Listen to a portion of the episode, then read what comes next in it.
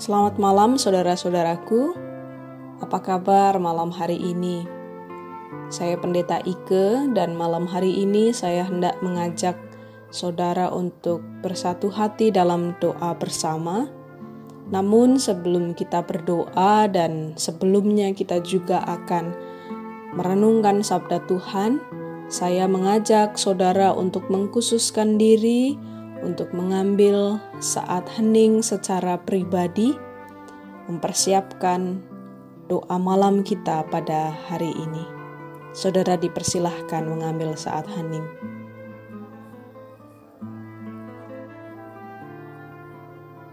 Saudara, pembacaan Alkitab pada malam hari ini dari Kejadian pasal 45 ayat 3 sampai 11 dilanjutkan ayat 15. Kejadian pasal 45 ayat 3 sampai 11 dilanjutkan ayat 11. Dan Yusuf berkata kepada saudara-saudaranya, Akulah Yusuf. Masih hidupkah Bapak? Tetapi saudara-saudaranya tidak dapat menjawabnya, sebab mereka takut dan gemetar menghadapi dia. Lalu kata Yusuf kepada saudara-saudaranya itu, marilah dekat-dekat. Maka mendekatlah mereka. Katanya lagi, Akulah Yusuf, saudaramu, yang kamu jual ke Mesir.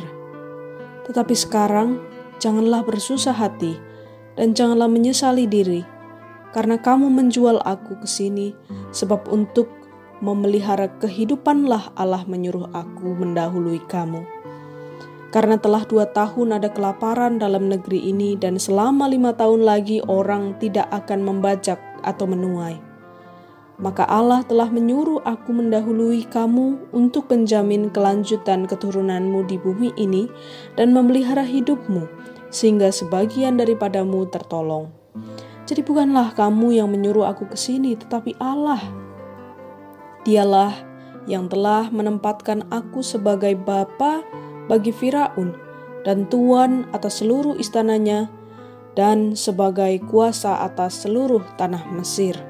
Segeralah kamu kembali kepada bapa dan katakanlah kepadanya, Beginilah kata Yusuf anakmu, Allah telah menempatkan aku sebagai tuan atas seluruh Mesir. Datanglah mendapatkan aku, janganlah tunggu-tunggu. Engkau akan tinggal di tanah Goshen dan akan dekat kepadaku, engkau serta anak dan cucumu, kambing domba dan lembu sapimu, dan segala milikmu. Di sanalah aku memelihara engkau, sebab kelaparan ini masih ada lima tahun lagi, supaya engkau jangan jatuh miskin bersama seisi rumahmu dan semua orang yang ikut serta dengan engkau. Yusuf mencium semua saudaranya itu dengan mesra dan ia menangis sambil memeluk mereka. Sesudah itu barulah saudara-saudaranya bercakap-cakap dengan dia. Saudara, pada malam hari ini secara khusus kita akan bicara tentang trauma dan pengampuan, pengampunan. Trauma sering menyebabkan luka-luka batin dalam rentang waktu yang sangat panjang perjumpaan dengan orang lain dapat membuka kembali ruang luka batin. Tapi perjumpaan itu juga dapat memulihkan luka itu sendiri. Dan inilah yang terjadi pada Yusuf. Pengalaman Yusuf dianiaya dan dijual oleh saudara-saudaranya telah menorehkan luka-luka yang dalam di dalam hatinya. Yusuf sebagai seorang yang mempunyai kuasa di Mesir pada waktu itu, sebetulnya memiliki kesempatan untuk membalaskan dendam kepada kakak-kakak yang telah menganiaya dan menjualnya. Tetapi Yusuf memilih untuk mengampuni ketimbang melampiaskan dendam kepada kakak-kakaknya. Mengapa? Setidaknya dalam bacaan kita terlihat jelas alasan Yusuf. Yang pertama adalah Yusuf melihat peristiwa dari perspektif yang berbeda. Melalui tindakan saudara-saudara Yusuf yang menjualnya, Yusuf justru mengimani bahwa Allah diimani telah membawa Yusuf ke Mesir agar ia menjadi penyelamat bagi keluarga dan bangsa Mesir. Luka-luka batin tersebut berhasil dipulihkan sehingga Yusuf mampu memaafkan kesalahan saudara-saudaranya. Bahkan Yusuf sendiri mengembangkan suatu refleksi teologis tentang rencana dan karya Allah yang memelihara seluruh saudaranya dan keselamatan banyak orang dari kelaparan. Luka-luka batin Yusuf pulih karena ia tidak berorientasi pada peristiwa pahit di masa lampau. Sebaliknya, Yusuf berorientasi pada keselamatan Allah. Alasan yang kedua, mengapa Yusuf justru bisa mengampuni saudara-saudaranya adalah hanya orang yang telah berdamai dengan dirinya sendiri yang bisa meyakinkan orang lain. Saudara, dibutuhkan dua kali penegasan dari Yusuf bahwa dia sudah benar-benar berdamai dengan masa lalu dirinya yang pernah disakiti, sehingga Yusuf bisa mengampuni. Ternyata bagi kakak-kakak Yusuf, berdamai dengan diri sendiri memang tidak selalu mudah. Hanya orang yang telah berdamai dengan dirinya sendiri yang bisa mengajak atau meyakinkan orang lain yang ada di sekitar kehidupan mereka untuk bisa melakukan hal yang sama, yaitu berdamai dengan diri sendiri. Damai, saudara-saudara, tidaklah berarti berada di suatu tempat yang tanpa keributan, tanpa kesukaran, atau tanpa kerja keras. Kedamaian justru berarti ketika kita berada di tengah-tengah semua itu. Maksudnya, di tengah keributan, kesukaran, kerja keras, tetapi di dalam situasi itu, hatimu tetap memiliki ketenangan. Itulah makna kedamaian sejati. Tindakan balas dendam terjadi karena orang tidak mampu berdamai dengan masa lalunya. Dia tidak mampu berdamai dengan tindakan-tindakan buruk yang pernah dialaminya, sehingga ketika dia di atas dalam posisi yang aman, nyaman, maka dia merasa perlu membalas orang-orang yang telah menyakiti hatinya.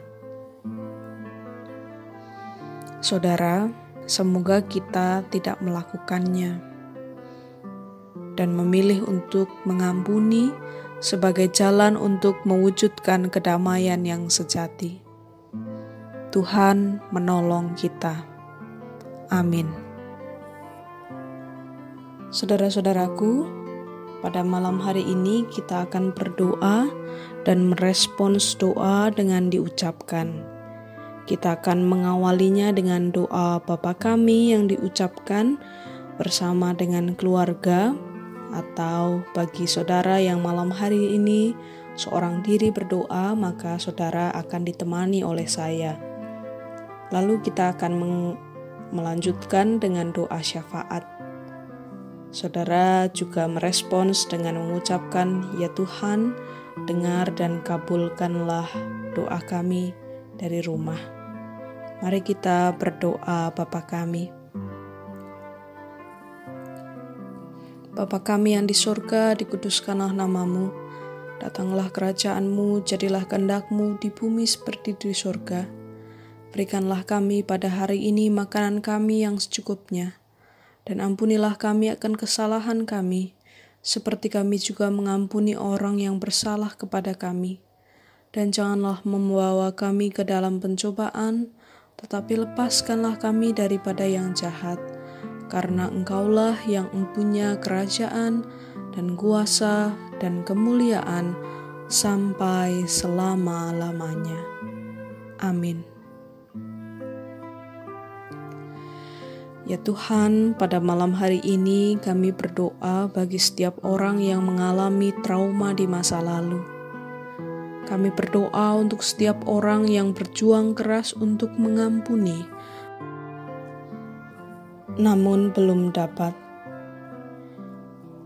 Kami juga berdoa bagi setiap orang yang menyakiti, namun belum dapat meminta maaf. Tuhan, kasihanilah kami. Kiranya Tuhan menyentuh batin kami yang terluka. Mampukanlah kami membuka diri untuk mengampuni dan memohon ampun. Dalam pengasihanmu kami mohon.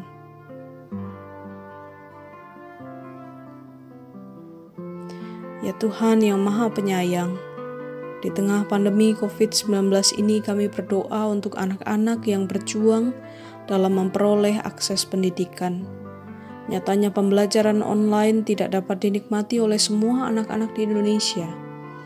Kami berdoa untuk orang tua yang berusaha memberikan fasilitas belajar bagi anak-anak mereka Berkati juga guru-guru yang dengan segala daya dan upaya menciptakan metode pembelajaran yang dapat diakses oleh anak-anak. Tuhan merahmati mereka dengan semangat dan kreativitas. Dalam pengasihan-Mu kami mohon. Ya Tuhan, malam ini kami hendak beristirahat. Kiranya Tuhan menjaga malam kami bersama orang-orang yang kami kasihi. Ampuni jika sepanjang hari ini begitu banyak kesalahan dan dosa yang kami lakukan yang melukai hati orang lain. Izinkanlah esok pagi kami memperbaiki diri dan memohon maaf kepada mereka yang hari ini telah kami sakiti. Biarlah esok menjadi hari yang penuh semangat bagi kami. Inilah doa kami ya Tuhan dalam pengasihan-Mu kami memohon. Amin. Tuhan menjaga dan melindungi malam saudara. Tuhan menyertai.